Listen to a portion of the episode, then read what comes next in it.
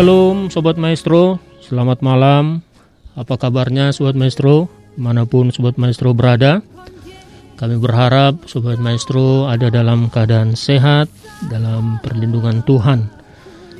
Dan kami berdoa bagi Sobat Maestro yang saat ini mungkin sedang sakit Atau ada pergumulan dalam kehidupan.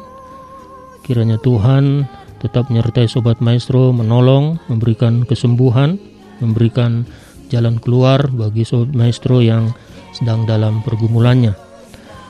Sobat Maestro, senang sekali saya Penatua Harlan Sipahutar dan ditemani oleh Ibu Guru Tiur Boru Silitonga selama 50 menit ke depan kita akan bersama-sama dalam renungan Simeon.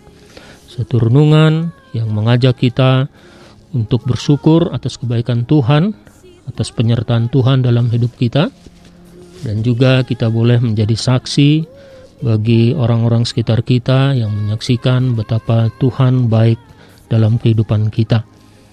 Nah, sobat maestro, malam ini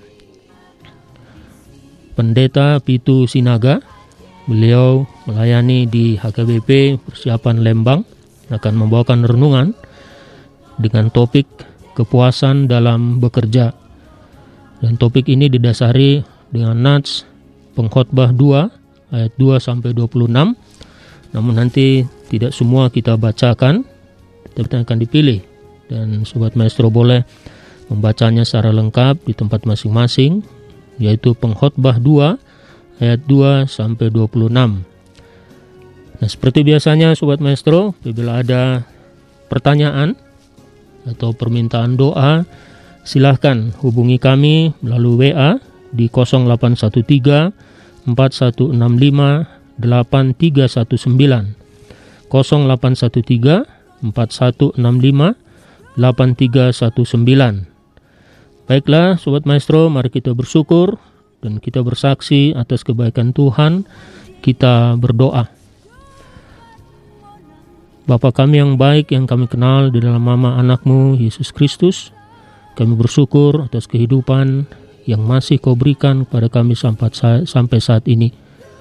Tuhan, kami bersyukur juga kami boleh kembali dalam renungan Simeon ini. Kami hendak mendengar lagu puji-pujian dan juga tentang firman-Mu Tuhan. Berkatilah kami Tuhan, berkati renungan Simeon ini. Berkati juga kehidupan kami sepanjang malam ini. Dalam Kristus kami berdoa. Amin.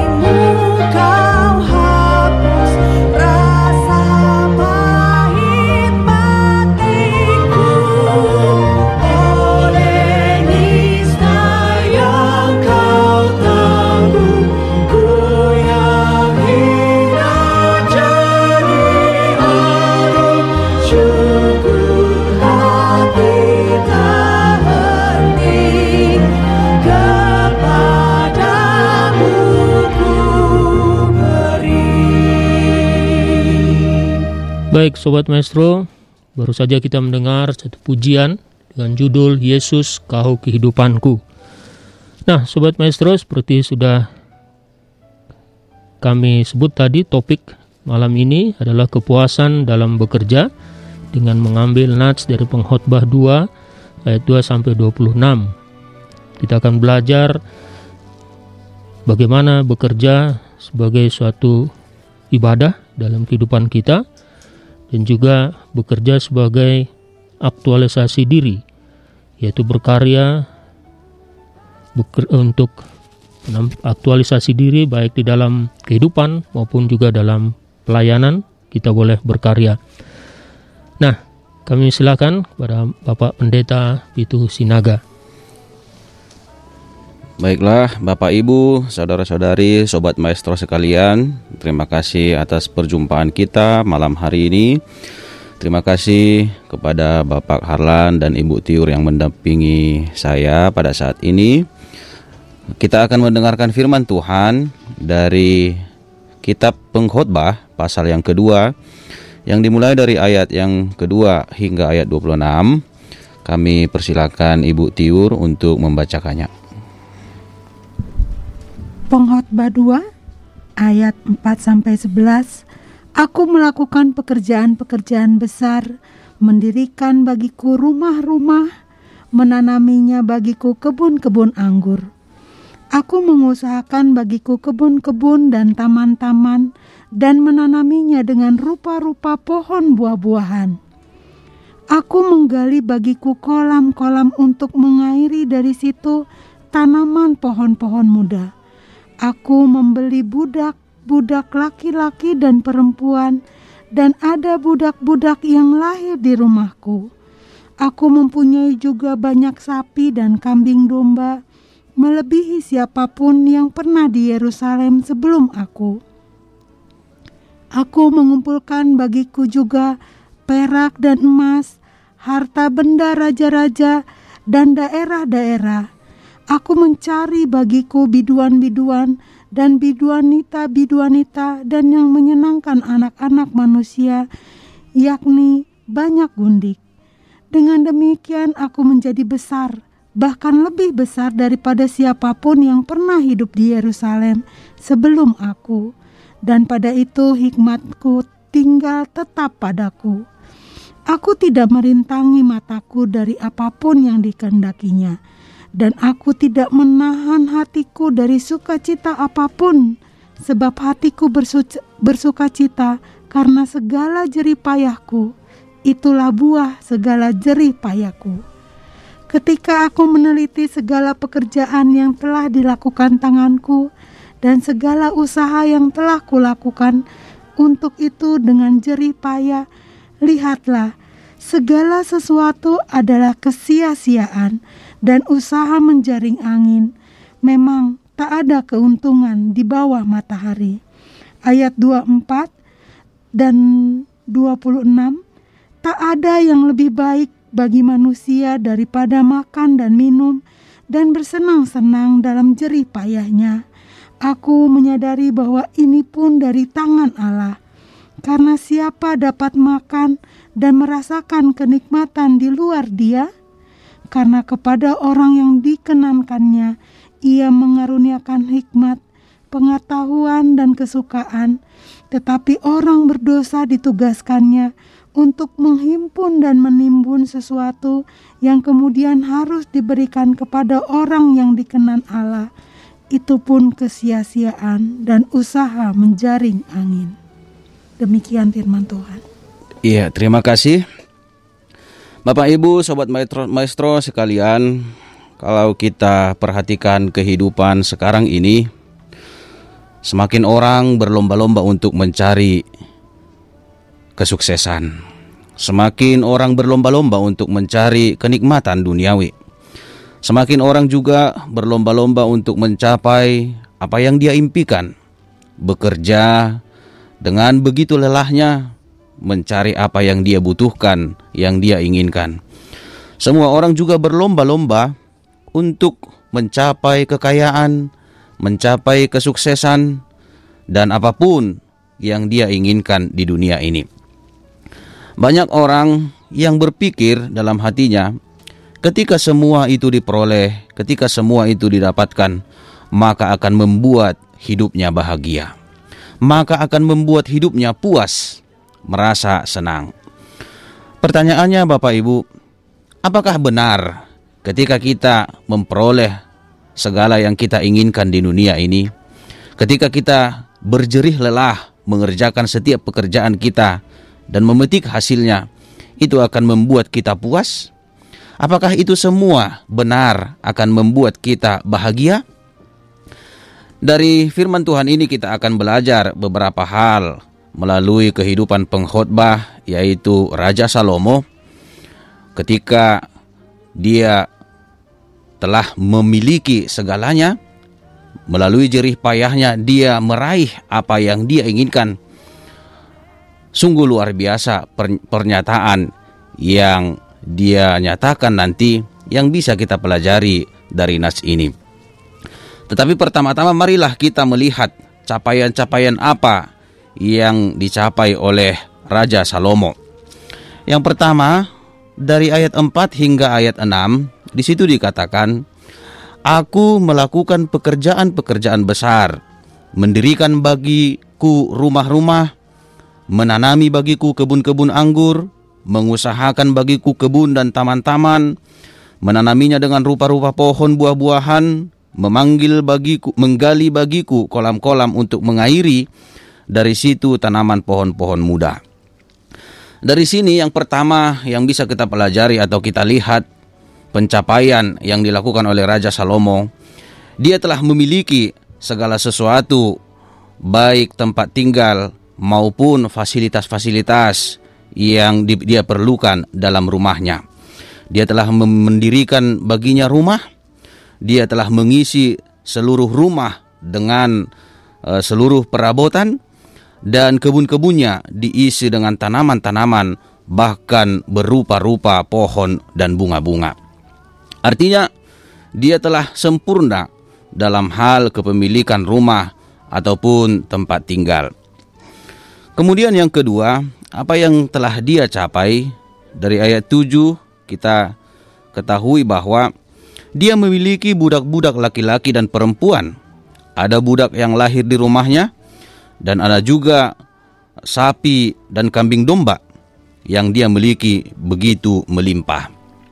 Artinya, selain daripada tempat tinggal, rumah yang mewah, rumah yang begitu besar yang dilengkapi dengan seluruh uh, perhiasan-perhiasannya, dia juga memiliki budak-budak. Dia memiliki uh, pembantu di tengah-tengah kehidupannya. Baik budak-budak yang dia peroleh dari hasil kerjanya maupun budak-budak yang lahir di rumahnya. Bahkan uh, dia mengatakan di ayat 7 ini tidak ada yang melebihi dia ya, dari siapa pun yang pernah hidup di Yerusalem. Artinya ketika itu Raja Salomo adalah seorang uh, bisa kita katakan yang paling kaya yang paling sukses dalam kehidupannya. Kemudian yang ketiga, dari ayat 8 sampai 9 dikatakan bahwa dia telah mengumpulkan perak dan emas, harta benda raja-raja dan daerah-daerah. Artinya, sungguh kehidupan Raja Salomo begitu berkelimpahan. Perak dan emas tidak ada lagi yang kurang dalam hidupnya. Mengapa bisa demikian? karena dialah yang memiliki segalanya ketika itu. Dia adalah raja, dia adalah pemegang pemerintahan, dia adalah pemegang kekuasaan. Apa pun yang dia inginkan, apa pun yang uh, dia lihat untuk dia miliki, bisa dia miliki.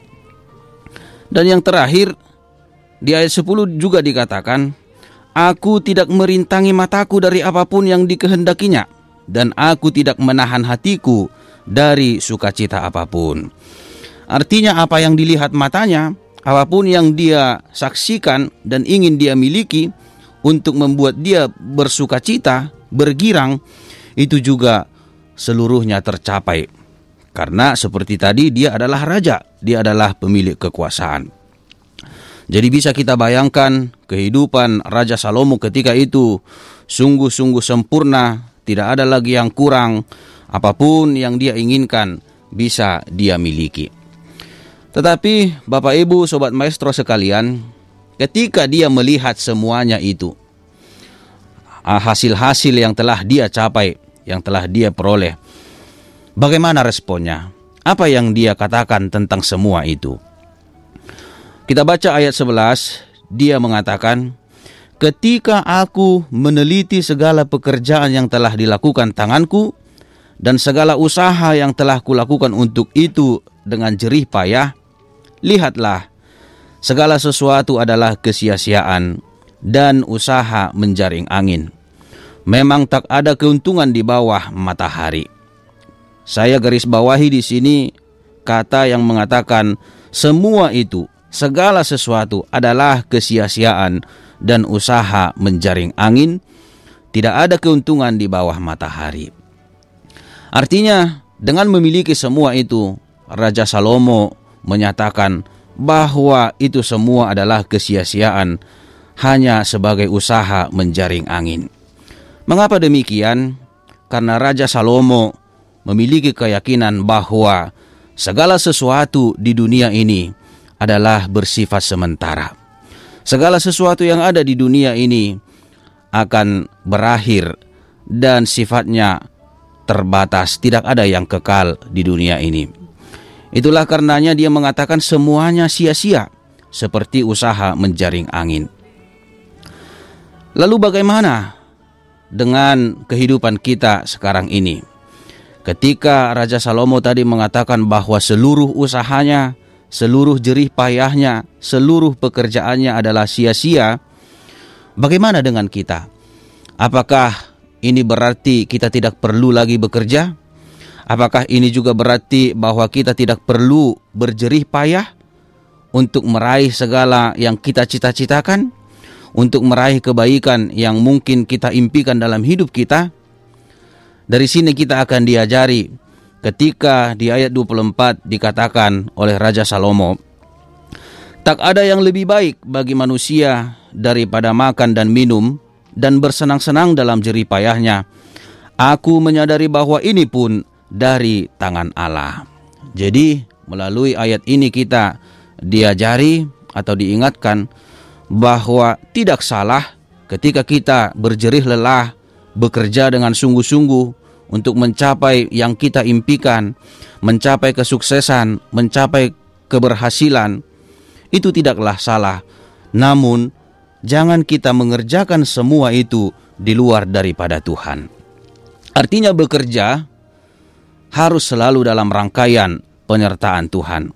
Bekerja harus selalu dalam lindungan Tuhan atau dalam arahan Tuhan dalam rencana dan kehendak Tuhan. Itulah yang di, dinyatakan tadi ketika dia mengatakan Rasul uh, Raja Salomo mengatakan Aku menyadari bahwa ini pun dari tangan Allah.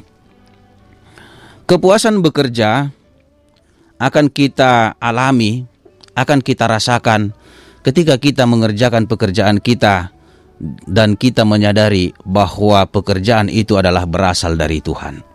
Itu yang penting. Karena setiap pekerjaan kita adalah berasal dari Tuhan. Tuhanlah yang menunjukkan pekerjaan itu bagi kita. Dan bukan hanya pekerjaan itu. Tuhan juga yang menentukan di mana tempat kita bekerja, posisinya di mana.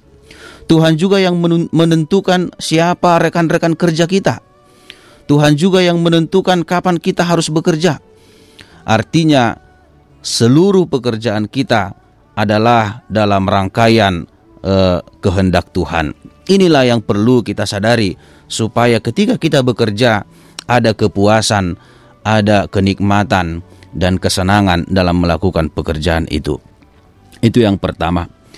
Dan yang kedua, melalui nas ini di ayat 26 eh, Raja Salomo mengatakan karena kepada orang yang dikenannya ia mengaruniakan hikmat, pengetahuan dan kesukaan tetapi orang berdosa ditugaskannya untuk menghimpun dan menimbun sesuatu yang kemudian harus diberikannya kepada orang yang dikenan Allah. Artinya, Bapak Ibu yang dikasih Yesus Kristus, kita akan mengalami sukacita atau kepuasan dalam melakukan pekerjaan kita ketika kita uh, memakai karunia yang diberikan oleh Tuhan kepada kita. Artinya, pekerjaan yang kita lakukan bermanfaat atau berguna bagi orang lain. Kalau kita naik ke ayat 2, di situ Raja Salomo mengatakan tentang tertawa, aku berkata itu bodoh. Dan mengenai kegirangan, apa gunanya? Saya juga garis bawahi di sini kata yang e, mengatakan apa gunanya. Artinya, ketika kita mengerjakan seluruh pekerjaan kita, baiklah kita tanya diri kita masing-masing, apa gunanya? Apa gunanya kita mengerjakan semua itu? Apa gunanya uh, pekerjaan itu kita lakukan? Dan terlebih lagi, apa gunanya diri kita bagi orang lain? Bagaimanapun jerih lelah kita, bagaimanapun kesungguhan kita melakukan pekerjaan kita, tetapi kalau kita tidak berguna bagi orang lain, pekerjaan kita tidak menghasilkan manfaat bagi orang lain dan bagi diri kita sendiri, itulah yang dinamakan dengan sia-sia oleh Raja Salomo. Oleh karena itu, supaya kepuasan, kenikmatan dalam bekerja kita alami, baiklah kita mengerjakan seluruhnya dengan tujuan supaya kita berguna bagi orang lain. Ada guna, ada manfaat yang kita berikan bagi orang lain melalui pekerjaan kita. Dan yang terakhir adalah kita tentu tahu bahwa bekerja juga adalah ibadah. Artinya ketika kita bekerja, lakukanlah itu dengan takut akan Tuhan. Lakukanlah itu dalam rangkaian uh, kehendak Tuhan. Kolose 3 ayat 23 berkata, Apa pun juga yang kamu perbuat, Artinya yang kamu kerjakan, yang kamu lakukan, perbuatlah dengan segenap hatimu seperti untuk Tuhan dan bukan untuk manusia.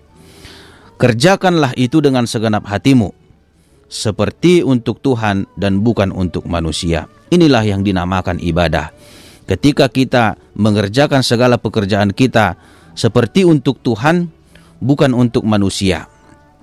Artinya bukan untuk uh, sekedar memuaskan hawa nafsu, memuaskan keserakahan kita, tetapi dalam rangka memuliakan Tuhan. Sebab pekerjaan juga adalah ibadah.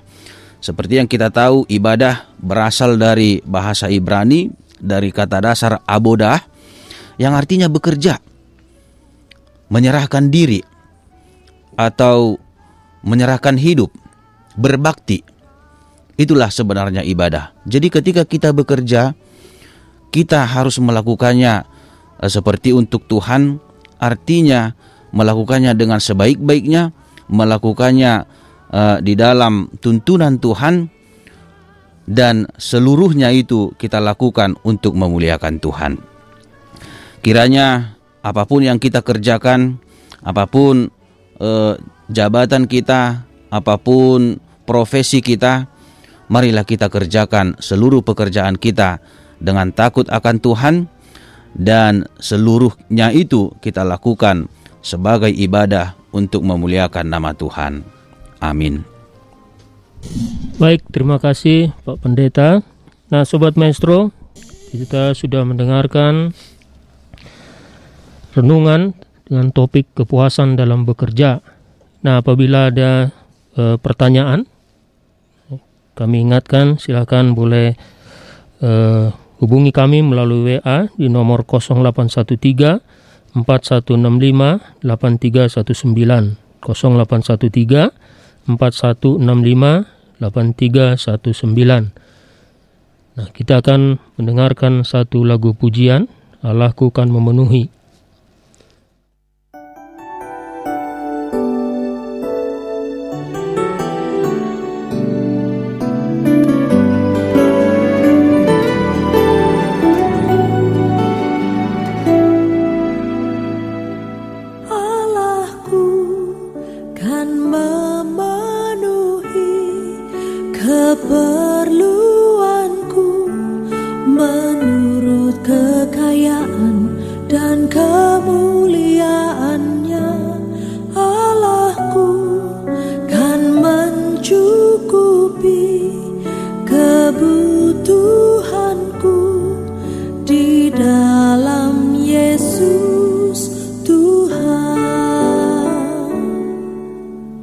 Tiada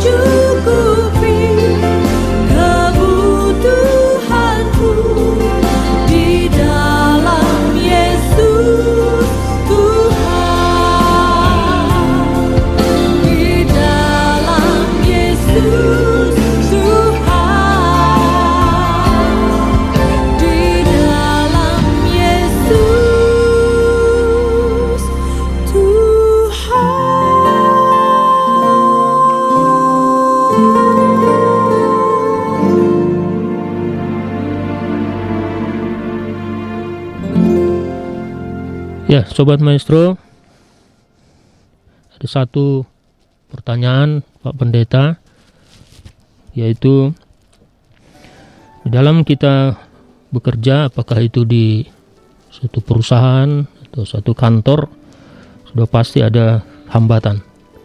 Kalau kita sudah serius bekerja, ya tentu ada harapan untuk uh, lebih maju. Tapi selalu ada yang menghambat. Banyak uh, kasus yang membuat kita uh, seolah-olah terhambat karir kita. Nah, dikaitkan dengan keterangan Bapak Pendeta tadi, bagaimana kita sebagai orang yang percaya pada Kristus dalam uh, mensikapi hal tersebut. Itu saja Pak Pendeta. Ya, baiklah uh, Pak Harlan, terima kasih uh, juga bagi sobat-sobat maestro sekalian. Ada satu pertanyaan ya tentang ketika kita bekerja uh, tidak terlepas dari tantangan atau hambatan. Bagaimana kita menghadapinya? Uh, memang uh, suatu kepastian dan tidak bisa kita pungkiri dalam hidup kita selalu ada tantangan, selalu ada godaan, selalu ada cobaan, bahkan hambatan. Bahkan uh, dengan seriusnya pun ketika kita seserius mungkin untuk melakukan pekerjaan kita, itu juga tidak akan terlepas dari tantangan. Baik itu dari tantangan yang muncul dari diri kita sendiri maupun tantangan dari rekan kerja kita atau tantangan dari pemimpin uh, tempat kita bekerja dan lain sebagainya. Nah, bagaimana kita untuk menghadapinya, mengatasinya? Yang pertama adalah uh, yakini dan percayailah bahwa apa pun tantangan yang kita hadapi, apa pun masalah yang kita hadapi atau hambatan yang kita hadapi, ketika kita uh, berada di posisi yang benar, di jalan yang benar dalam melakukan pekerjaan kita, percayalah Tuhan akan menyertai. Tuhan akan memberi kekuatan. Tuhan juga akan uh, melindungi kita. Memang seperti yang saya katakan tadi bahwa hidup kita tidak akan pernah lepas dari godaan-godaan. Mengapa demikian? Karena seperti yang kita ketahui di sekitar kita juga dalam kehidupan kita ada musuh kita yang begitu kuat, yang begitu bergairah untuk menjatuhkan kita. Ada musuh kita yang begitu bersemangat untuk menipu kita, menjerat kita. Siapa itu? Yaitu roh-roh jahat ataupun pekerjaan-pekerjaan iblis dan mereka memakai orang-orang di sekitar kita. Oleh karena itulah cara yang kedua tetap berpegang teguh uh, kepada firman Tuhan. Tetap berpegang teguh kepada firman Tuhan. Apa pun yang kita lakukan atau kerja kerjakan ketika kita ya, itu semua kita kerjakan uh, seturut dengan firman Tuhan maka musuh apa pun yang kita hadapi siapa pun uh, yang menghalangi atau menghambat pekerjaan kita yang menjadi tantangan bagi kita itu semua akan bisa kita atasi sebab Tuhan uh, menyertai kita dan memberi kekuatan kepada kita. Nah, uh, dan yang terakhir, ketika kita menghadapi tantangan dalam pekerjaan kita, jangan sampai mundur dan jangan sampai ragu untuk melakukan yang baik uh, di tengah-tengah pekerjaan kita. Artinya uh, apa pun yang kita hadapi, tantangan apa pun, masalah apa pun, tetapi tetaplah komit untuk uh, melakukan pekerjaan kita dengan benar karena setiap pekerjaan yang dilakukan dengan benar akan menjadi berkat bagi diri kita dan bagi sesama kita. Demikian, Pak. Baik, terima kasih Pak Pendeta. Ya, sobat maestro, dari keterangan Pak Pendeta tadi kita diingatkan di dalam pekerjaan kita, kita yakin bahwa Tuhan akan selalu menyertai kita.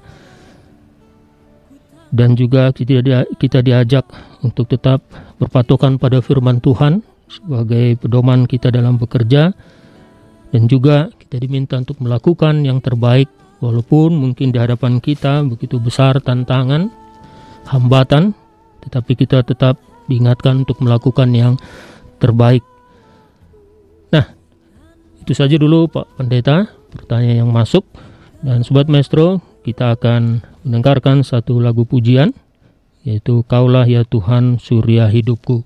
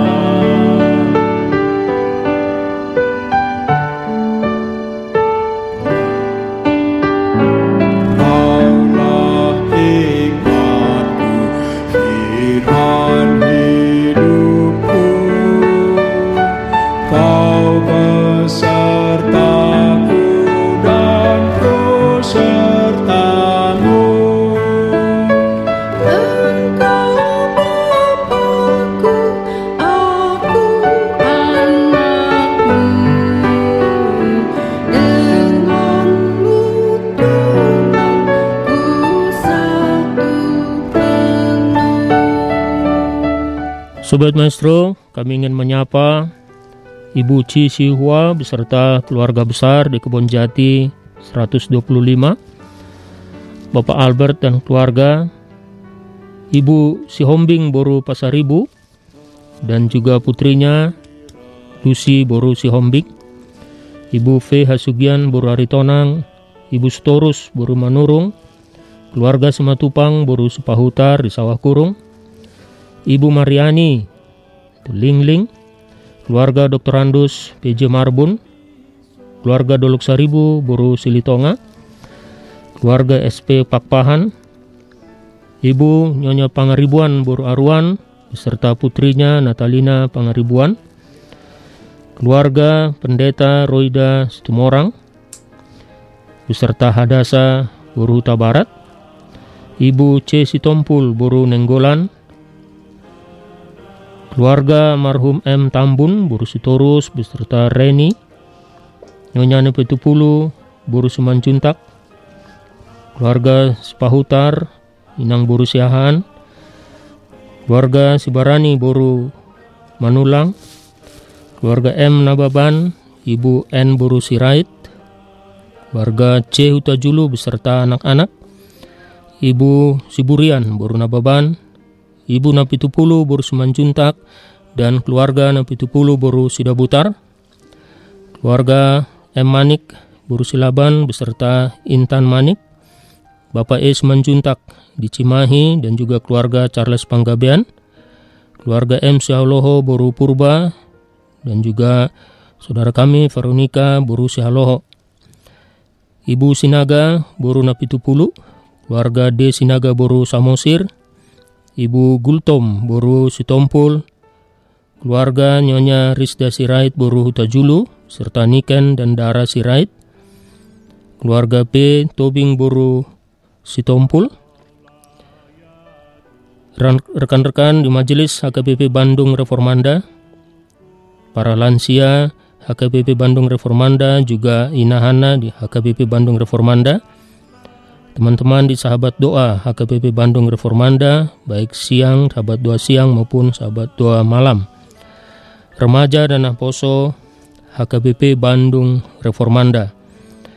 Keluarga Mangaranap Siahan Boru Siburian di pos Gereja Metodis Indonesia Trans 100. Bapak Sihombing Boru Butar-Butar, Bapak Deborah, Ibu Deborah Lasmaria Siboro, Bapak Bongbong Situmorang, Ibu Nurmaida Sianipar dan Yesi Sihombing.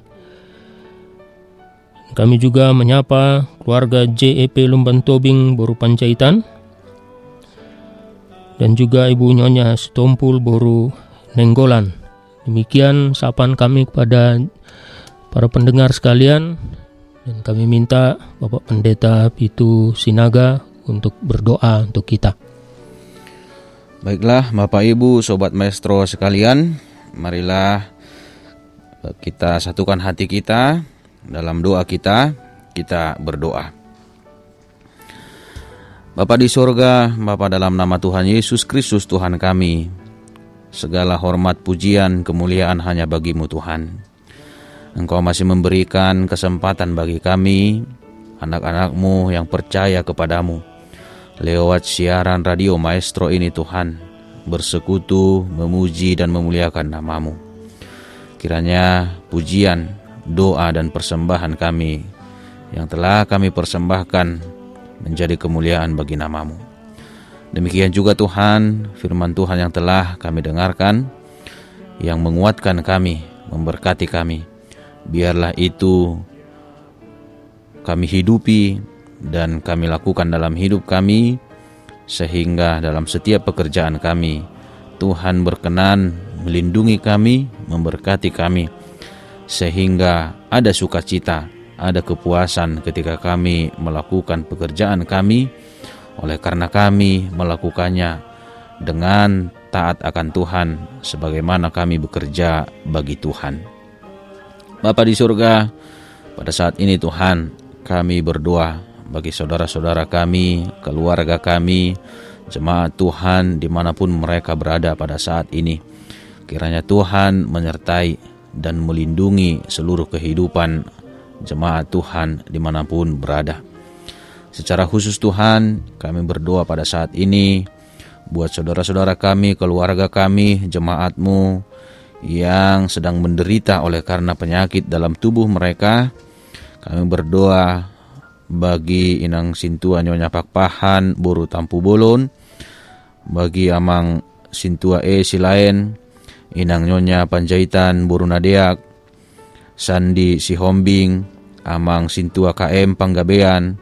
Amang J Situmorang inang nyonya si hombing buru pasaribu inang nyonya sinaga buru napitupulu. Dan juga amang JL Tobing. Kami tahu Tuhan bahwa mereka pada saat ini menderita oleh karena penyakit yang ada dalam tubuh mereka. Tetapi kami yakin dan percaya Tuhan memberi kekuatan, Tuhan memberi semangat bagi mereka, sehingga mereka kuat untuk menghadapi bahkan melawan sakit penyakit yang ada dalam tubuh mereka. Jangan biarkan mereka Tuhan kehilangan semangat, kehilangan gairah hidup tapi ingatkan mereka untuk senantiasa berserah diri kepada Tuhan dan semangat menjalani kehidupan mereka.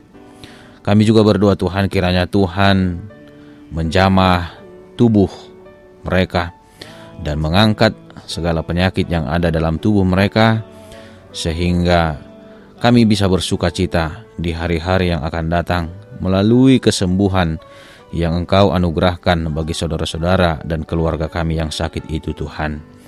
Kami yakin dan percaya bahwa Tuhan adalah sumber dari segala kesembuhan. Oleh karena itu Tuhan, anugerahkan kesembuhan bagi saudara-saudara kami itu. Pada saat ini Tuhan kami juga berdoa bagi jemaat-jemaatmu yang menantikan berkat Tuhan di tengah-tengah keluarga mereka, melalui berkat keturunan yaitu keluarga Sinulingga Boru Hutahayan dan juga keluarga D Marbun Boru Sipahutar. Mereka rindu Tuhan akan berkat Tuhan melalui keturunan di dalam rumah tangga mereka, di tengah-tengah keluarga mereka. Kami serahkan keluarga-keluarga ini ke dalam tangan Tuhan dan memberkati seluruh proses atau seluruh program yang telah mereka ikuti Tuhan yang yang mereka lakukan dan jalani untuk tercapainya apa yang mereka impikan, yaitu berkat Tuhan di tengah-tengah keluarga mereka melalui keturunan. Berikan Tuhan apa yang menjadi sukacita bagi mereka di waktu yang telah Tuhan tentukan, sehingga kami bisa bersuka cita. Terlebih keluarga-keluarga ini menyambut berkat Tuhan di hari-hari yang akan datang di tengah-tengah keluarga dan rumah tangga mereka. Kami juga berdoa Tuhan bagi keluarga-keluarga, sahabat-sahabat maupun jemaatmu yang pada saat ini sedang mengalami pergumulan hidup, yaitu keluarga Inang Pendeta Roida Situmorang beserta, beserta putri kami Hadasa Buruhuta Barat. Kiranya Tuhan senantiasa menguatkan, menghibur mereka Tuhan. Apa pun yang terjadi dalam hidup mereka, biarlah itu semua pada akhirnya menjadi sukacita bagi mereka oleh karena penyertaan Tuhan dalam hidup mereka. Kami juga berdoa buat keluarga jemaatmu, keluarga almarhum Amang M. Tambun yang telah engkau panggil di hari-hari yang lalu Tuhan. Mereka sangat berduka oleh karena kehilangan orang tua yang mereka kasihi. Khususnya Tuhan, anakmu Reni Tambun, eh, anak daripada Amang M. Tambun, kiranya Tuhan menjamah hati dan pikiran mereka, seluruh keturunannya Tuhan dan seluruh keluarga besar Tambun, sehingga mereka kuat menghadapi duka cita yang mereka alami saat ini Tuhan. Kami yakin dan percaya Tuhan menguatkan mereka dan akan memberikan urapanmu melalui penghiburan kepada mereka Tuhan sehingga pada hari-hari yang akan datang mereka bisa merasakan dan melihat penghiburan yang luar biasa dari Tuhan dalam hidup mereka. Demikian juga Tuhan, kami berdoa bagi pemimpin di wilayah kami ini, di tempat kami tinggal, yaitu keluarga Bapak Gubernur Jawa Barat, Bapak Ridwan Kamil, yang juga sedang mengalami duka cita di hari-hari yang lampau tanggal 26 Mei yang lalu. Anak mereka yang belum ditemukan oleh karena terseret arus di Swiss. Kiranya apa pun yang terjadi di tengah-tengah keluarga hambamu, Bapak Ridwan Kamil, Gubernur Jawa Barat, adalah sepengetahuan Tuhan dan biarlah Tuhan yang memberikan penghiburan, yang menguatkan Bapak kami itu Tuhan, sehingga mampu menghadapi kenyataan hidup yang terjadi dalam hidup mereka, dalam keluarga mereka, terlebih atas kehilangan anak yang mereka sayangi. Dan biarlah Tuhan juga yang menguatkan beliau untuk tetap semangat memimpin eh, tempat kami ini Tuhan, memimpin daerah kami, daerah Jawa Barat ini, sehingga bisa berjalan dengan baik dalam lindungan Tuhan. Kami juga berdoa Tuhan bagi bangsa dan negara kami yang hingga saat ini Tuhan kami masih berharap supaya virus COVID-19 bisa lenyap dari sekitar kami, dari kehidupan kami.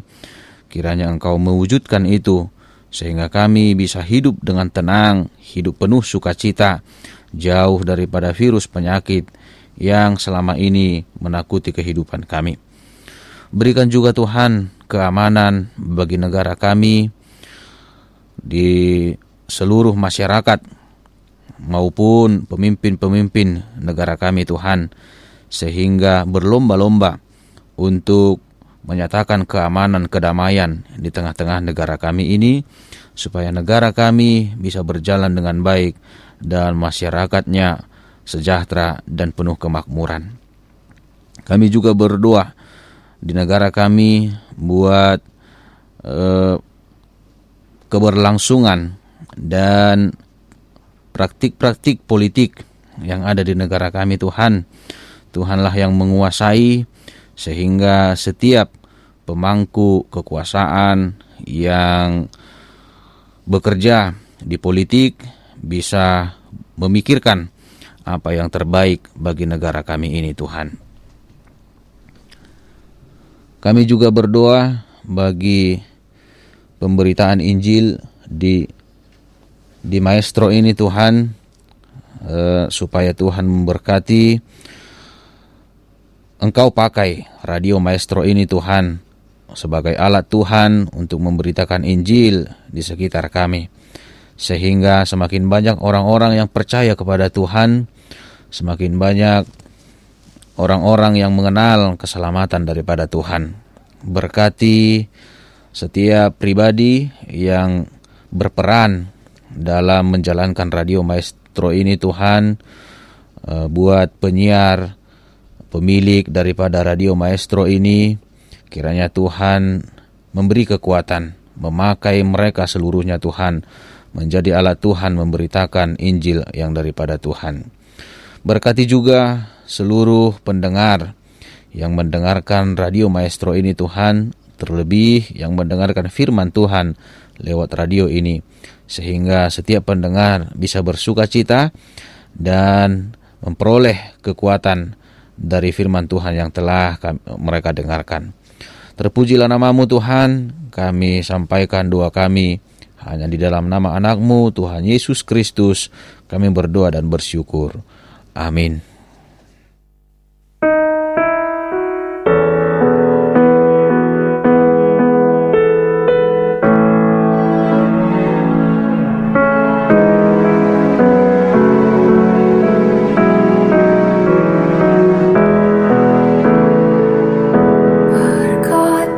Sekarang Tuhan, biarkanlah hambamu ini pergi dalam damai sejahtera sesuai dengan firman-Mu, sebab mataku telah melihat keselamatan yang daripadamu, yang telah engkau sediakan di hadapan segala bangsa, yaitu terang yang menjadi penyataan bagi bangsa-bangsa lain dan menjadi kemuliaan bagi umatmu Israel.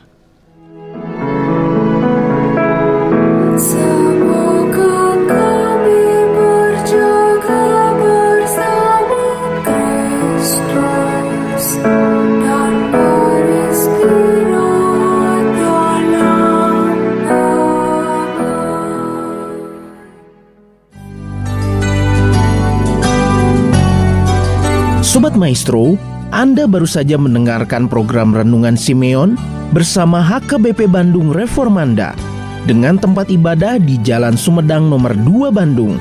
Fon 0813 4165 8319. Kebaktian Umum Bahasa Indonesia pukul 7.